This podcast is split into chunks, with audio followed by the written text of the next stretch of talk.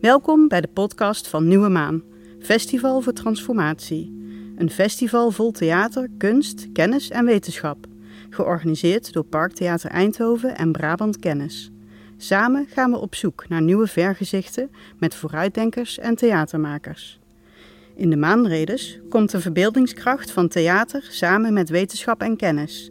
Voor een metersgrote verlichte maan in een verder donkere foyer van het Parktheater spreken maanredenaren tot het publiek met hun wens voor een betere wereld, een beter Brabant.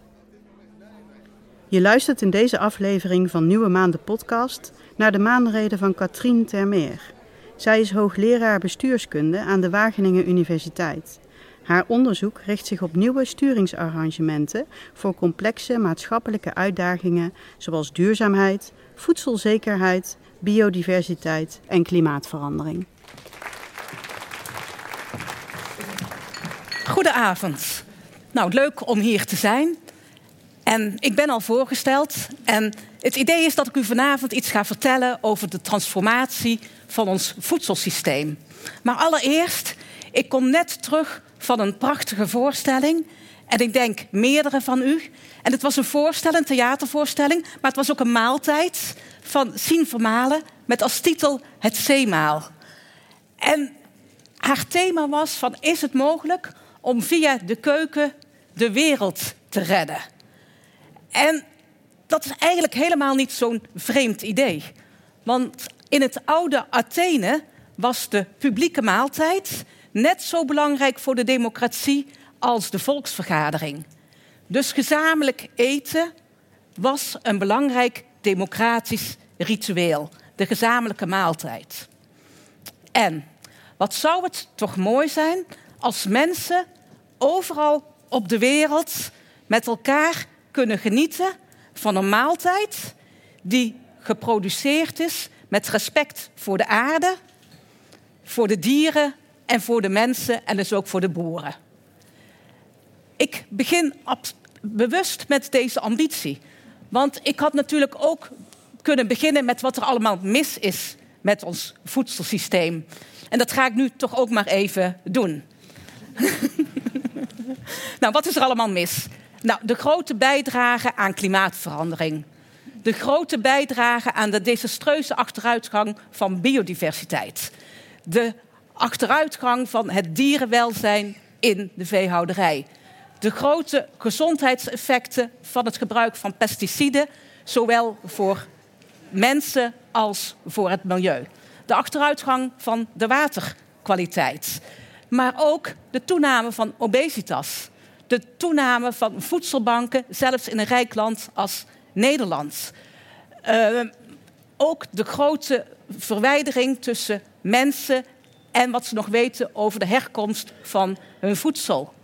Maar ook de speculatie met landbouwgrond of de speculatie met graan, ondanks de oorlog in de Oekraïne. En tot slot ook de eenzijdige afhankelijkheid van boeren, van grote partijen, de supermarkten en de levensmiddelenindustrie. Dat als wat er allemaal mis is. Maar dat zie je vooral als je van een afstandje kijkt. Misschien als je vanaf die maan achter mij kijkt. Maar als je nou dichterbij gaat kijken in dat voedselsysteem, dan zie je eigenlijk heel veel positieve veranderingen die bijdragen aan die ambitie waarmee ik begon. Ik ga een aantal veranderingen noemen. En omdat we hier in Eindhoven zijn, beperk ik me even tot een aantal voorbeelden in de nabije omgeving van Eindhoven. In Bokstel is de eerste herenboer gesticht. Een herenboer is een organisatie van burgers die zichzelf hebben verenigd. Die pachten met elkaar grond, die huren een boer in. En deze groep burgers bepaalt dus met elkaar wat ze willen produceren en op wat voor manier. Ze investeren daarin en ze genieten iedere week van een maaltijd uit eigen boerderij. In, Venray heb je het bedrijf Kipster. Dat is een diervriendelijk kippenbedrijf. En dat bedrijf voedt zijn kippen niet met soja, die bijvoorbeeld afkomstig is uit gekapte oerwouden in Brazilië. Nee, die voedt zijn bedrijf met afval producten uit de bakkerijindustrie. En het bedrijf is diervriendelijk, dus het zorgt ook goed voor de haantjes. Want, wat de meesten van u misschien wel weten, haantjes kunnen geen eieren leggen. Dus die brengen heel weinig op. Dus in heel veel bedrijven worden haantjes gewoon vernietigd. Hier proberen ze die haantjes een goed leven te laten hebben. In Venlo is een bedrijf bezig met de verwerking van afvalproducten uit de landbouw tot duurzame vezels voor allerlei doeleinden. Ze verwerken daar, bij, daar bijvoorbeeld de tomatenstengels in verpakkingsmateriaal, waarmee dan die tomaten weer verpakt kunnen worden. In 2019 was er in Brabant, in een bos, een burgerberaad over het voedselsysteem. Meer dan 400 Brabanders hebben in elf werkplaatsen gedacht over allerlei oplossingen voor dat voedselsysteem. En ze hebben 70 voorstellen ontwikkeld waarover uiteindelijk gestemd is. In het Groene Woud, in de buurt van Oorschot, waar ik vandaan kom en waar dus ook een deel van de familie zit, eh, in Oorschot, daar staat de eerste kipcaravan. En een kipcaravan, dat is dus eigenlijk een caravan waarin 200 eh, kippen zitten. S'nachts slapen ze in die caravan en overdag scharrelen ze. En je kunt zo'n kippencaravan uh, verplaatsen, dus ze kunnen op allerlei plekken onkruid wieden. In Breda heb je boerschappen. En boerschappen, dat is uh, een coöperatie die erop gericht is om het voor haar klanten zo makkelijk mogelijk te maken om heel veel uh, duurzaam voedsel dat goed is voor iedereen. Dus weer voor de aarde, de dieren en de boeren. Om dat ter beschikking te stellen. In Moerdijk is er een ondernemer en die heeft het concept weidevarkens ontwikkeld. Dat betekent dat zijn varkens niet in een stal staan, maar grazen op de gronden van het Brabants landschap. En tot slot, ook de wieg van de vegetarische slager stond hier in de omgeving. Het was zijn ambitie om plantaardig vlees te ontwikkelen, dus vlees geproduceerd met plantaardige producten. En dat vlees moest vooral lekker worden gevonden door liefhebbers, echte liefhebbers van vlees. Nou, tot zover heel veel positieve voorbeelden. En u merkt misschien aan mijn enthousiasme dat ik graag over deze voorbeelden praat. Maar als ik dat dan doe, dan krijg ik vaak te horen: ja, mevrouw, of mevrouw de professor zeggen ze dan wel eens, hè, van uh, leuk al die voorbeelden, maar daarmee gaan we de wereld toch niet redden. Of was een, wat een bestuurder onlangs tegen mij zei, een bestuurder hier uit Brabant: ja, dat is gewoon klein bier waarover u het hebt. Nou, wat ik dus vanavond wil gaan betogen, is dat je met die kleine voorbeelden wel de wereld kunt redden. Maar daarvoor eerst even naar mijn vakgebied. Ik ben dus bestuurskundige. En dat betekent dat ik onderzoek doe naar de manier waarop de overheid de transformatie van ons voedselsysteem naar een meer duurzaam voedselsysteem, hoe ze dat kunnen sturen. En dat is natuurlijk een hele complexe, ingewikkelde opgave. En wat ik dan zie, is dat er vanuit ambtenaren of politici eigenlijk drie reflexen zijn om te reageren op deze complexe opgave. En de eerste reflex is dat ze doen alsof het een simpel probleem is. Dus dan maken ze gewoon een plan, ik hoor hier al gelacht, dan maken ze dus gewoon een plan met doelen en middelen en een tijdslijn en dat rollen ze even uit. De tweede reflex is dat ze overweldigd raken door de complexiteit van het probleem en een beetje verlammen, apathie of soms cynisch worden. En de derde reflex tenslotte is dat ze gewoon ontkennen dat er problemen in ons voedselsysteem zijn. Nou, al deze drie reflexen zijn niet bevorderlijk voor het vertrouwen van burgers en boeren in die overheid. Want bij de eerste reflex, doen of het een simpel probleem is, creëer je verwachtingen die je niet waar kunt maken. Bij de tweede reflex, die van apathie, dan gebeurt er eigenlijk niks, ondanks de ervaren urgentie.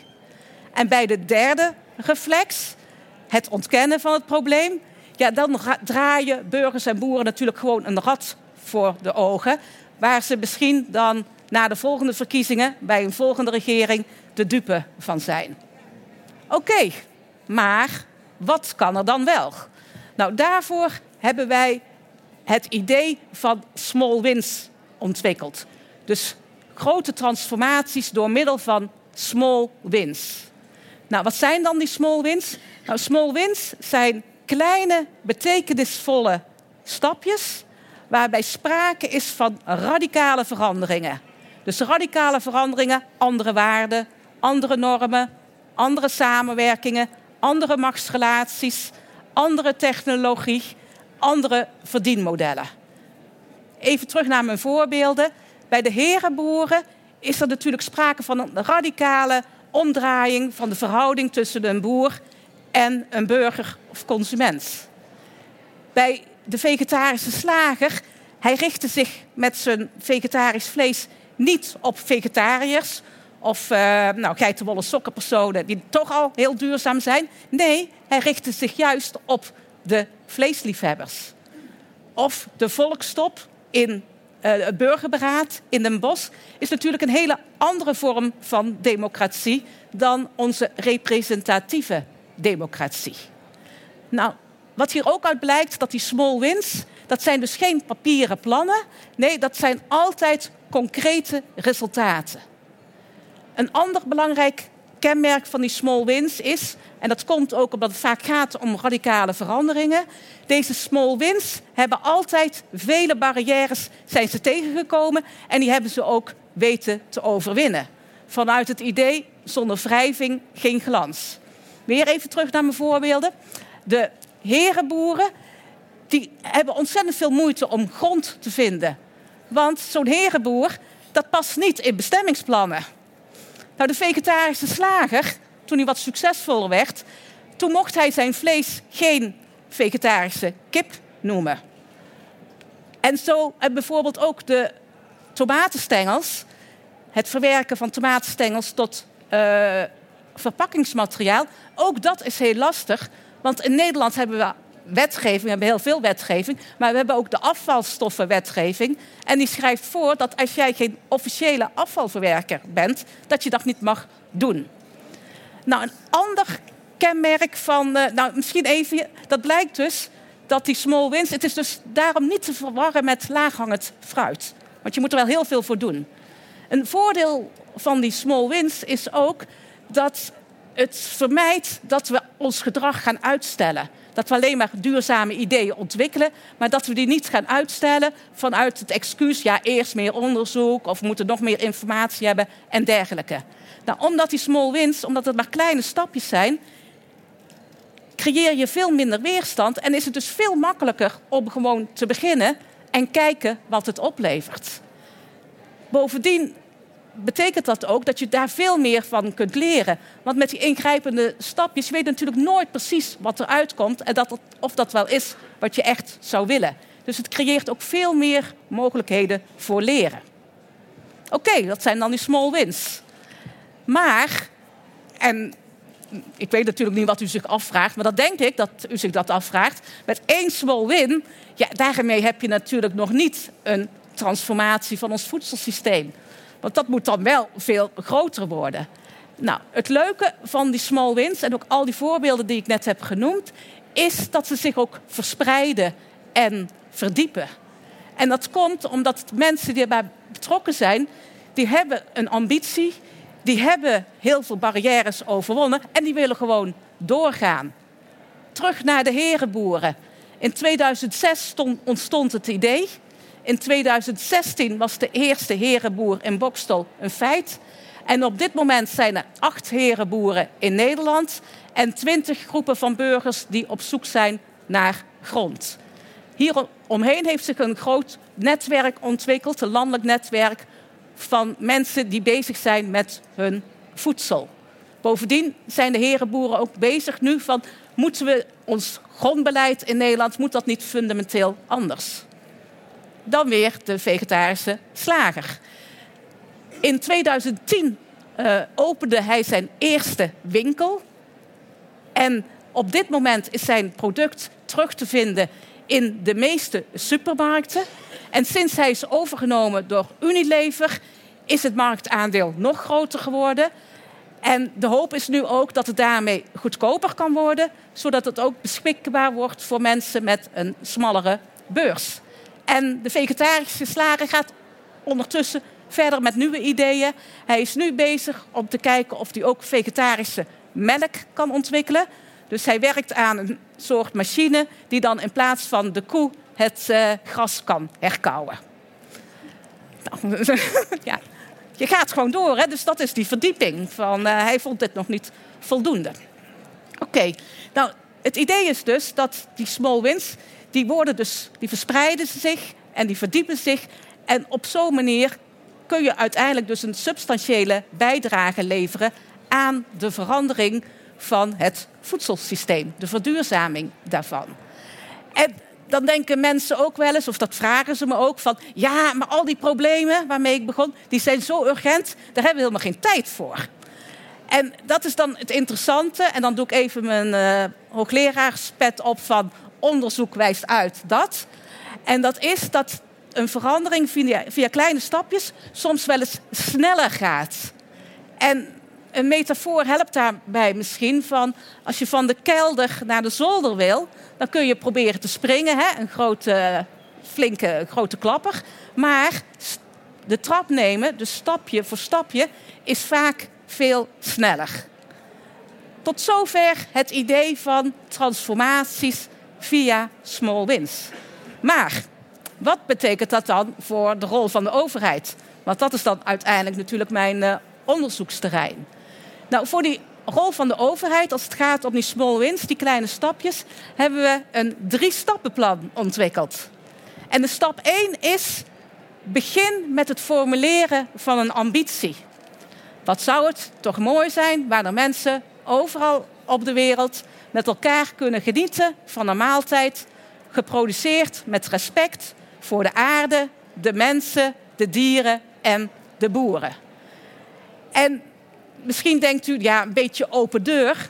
Maar ik doe best wel veel trainingen met ambtenaren en politici. En dan blijkt dat ze het heel moeilijk vinden om een ambitie te formuleren. Het is vaak veel makkelijker voor hen om aan te geven wat er allemaal mis is met ons voedselsysteem. Stap 2. Nou, dan heb je die ambitie en vervolgens ga je kijken in de omgeving. Zijn er misschien al initiatieven die kunnen bijdragen aan het realiseren van mijn ambitie?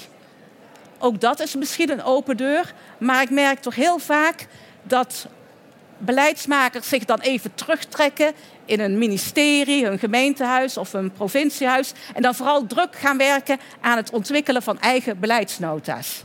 Zonder te kijken wat er eigenlijk allemaal al voorhanden is, wat misschien veel makkelijker is. Nou, dit werkt dat is misschien wel te begrijpen, maar het is wel heel frustrerend vaak voor die initiatiefnemers van al die mooie initiatieven, die eigenlijk ook een bijdrage kunnen leveren aan de ambitie van die overheid. Nou, stap drie, je hebt dan die ambitie en je hebt dat overzicht van wat er eigenlijk allemaal al gaande is. En in stap drie kun je dan als overheid kijken van welke interventies of welke beleidsinstrumenten uh, zijn dan wel mogelijk om te zorgen dat die small wins groter worden en zich gaan verspreiden in het systeem. En daarvoor kan de overheid eigenlijk alle instrumenten gebruiken die ze in haar gereedschapskist heeft zitten. Ze kan bijvoorbeeld iets doen met wetgeving, nieuwe wetgeving, of vaak ook afschaffen van hinderende wetgeving of aanpassen van wetgeving. Want bijvoorbeeld het voorbeeld dat ik gaf van, weide, van de weidevarkens, dus die varkens die grazen op de gronden van het Brabants landschap. Toen dat belangrijker werd, bleek dat het toch wel heel tegenstrijdig was met Europese regelgeving. Namelijk die rondom diergezondheid. Nou, op dat moment zijn er wat enthousiaste ambtenaren geweest. Die hebben een groepje bij elkaar gebracht van de Europese Commissie, van gemeenten, van provincies en van het Rijk. En die hebben een nieuwe regel ontwikkeld voor dit soort type varkenshouderij, namelijk de Green Deal natuurinclusieve varkenshouderij. Overheden kunnen natuurlijk ook iets doen met hun economische instrumenten, bijvoorbeeld met BTW of met een subsidie. En het interessante, en dat heeft bijvoorbeeld de provincie Brabant samen met de ZLTO gedaan rondom een innovatiesubsidie, dat dat gewoon een kleine subsidie kan zijn. Want een kleine subsidie kan soms wel voldoende zijn om andere financiers te overtuigen van, nou als ZLTO en uh, de provincie er brood in zien, nou misschien moeten wij dan ook wel financieel instappen. Nou, wat een overheid ook kan doen, gewoon zelf het goede voorbeeld geven. Dus zorgen dat er in je eigen kantine ook producten liggen van die duurzame initiatieven. Wat de overheid ook kan doen, is zorgen dat deze initiatieven ook toegang hebben tot onderzoek en onderwijs.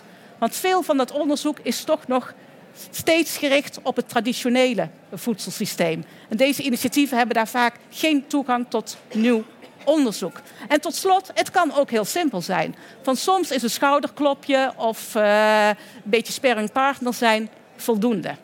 Nou, dat is wat de overheid kan doen. Maar er zijn ook dingen die de overheid absoluut niet moet doen. En die ga ik ook even noemen. Uh, ze moeten niet gaan pamperen. Soms hebben ze ook die neiging, gaan ze al die initiatieven pamperen. Maar daar wordt niemand wijzer van. Wat ze ook niet moeten doen, is van pilot naar pilot gaan. Van oké, dit was een leuk experiment. En in plaats van om het dan regulier te doen, nee, laten we nog maar een experiment doen. En nog één.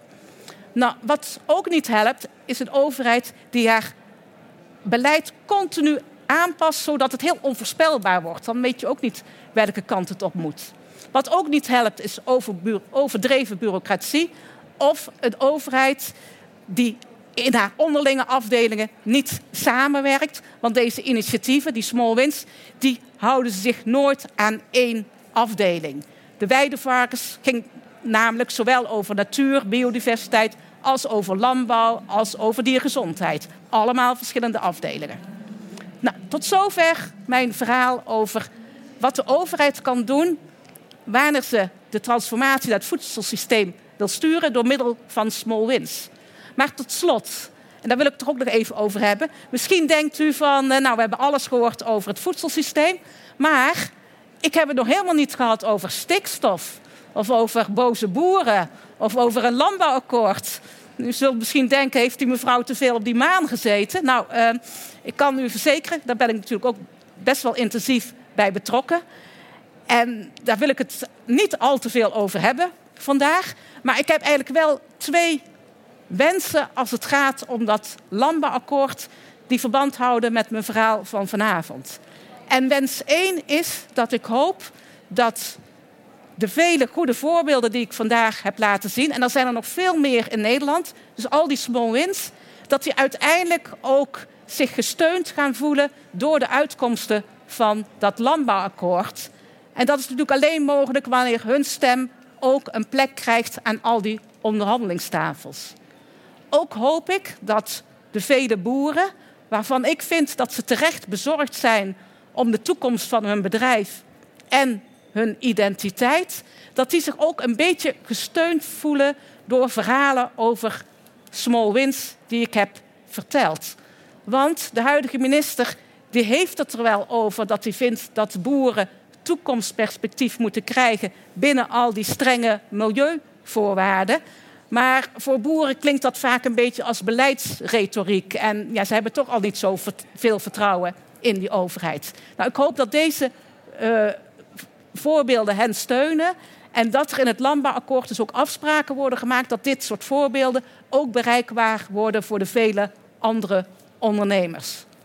En dan helemaal tot slot. Ik uh, begon met een enthousiast verhaal over de prachtige theater dat we hebben gehad. En ook het idee dat een maaltijd, een collectieve maaltijd, een belangrijk democratisch ritueel kan zijn.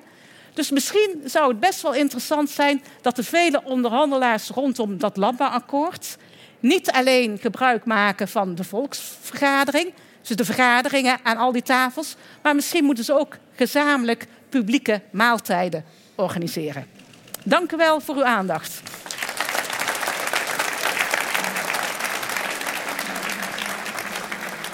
Je luisterde naar Nieuwe Maan de podcast van Parktheater Eindhoven en Brabant Kennis. Een podcast gemaakt tijdens Nieuwe Maan, Festival voor Transformatie. Luister ook de andere afleveringen van deze podcast met maanredes voor een betere wereld, een beter Brabant.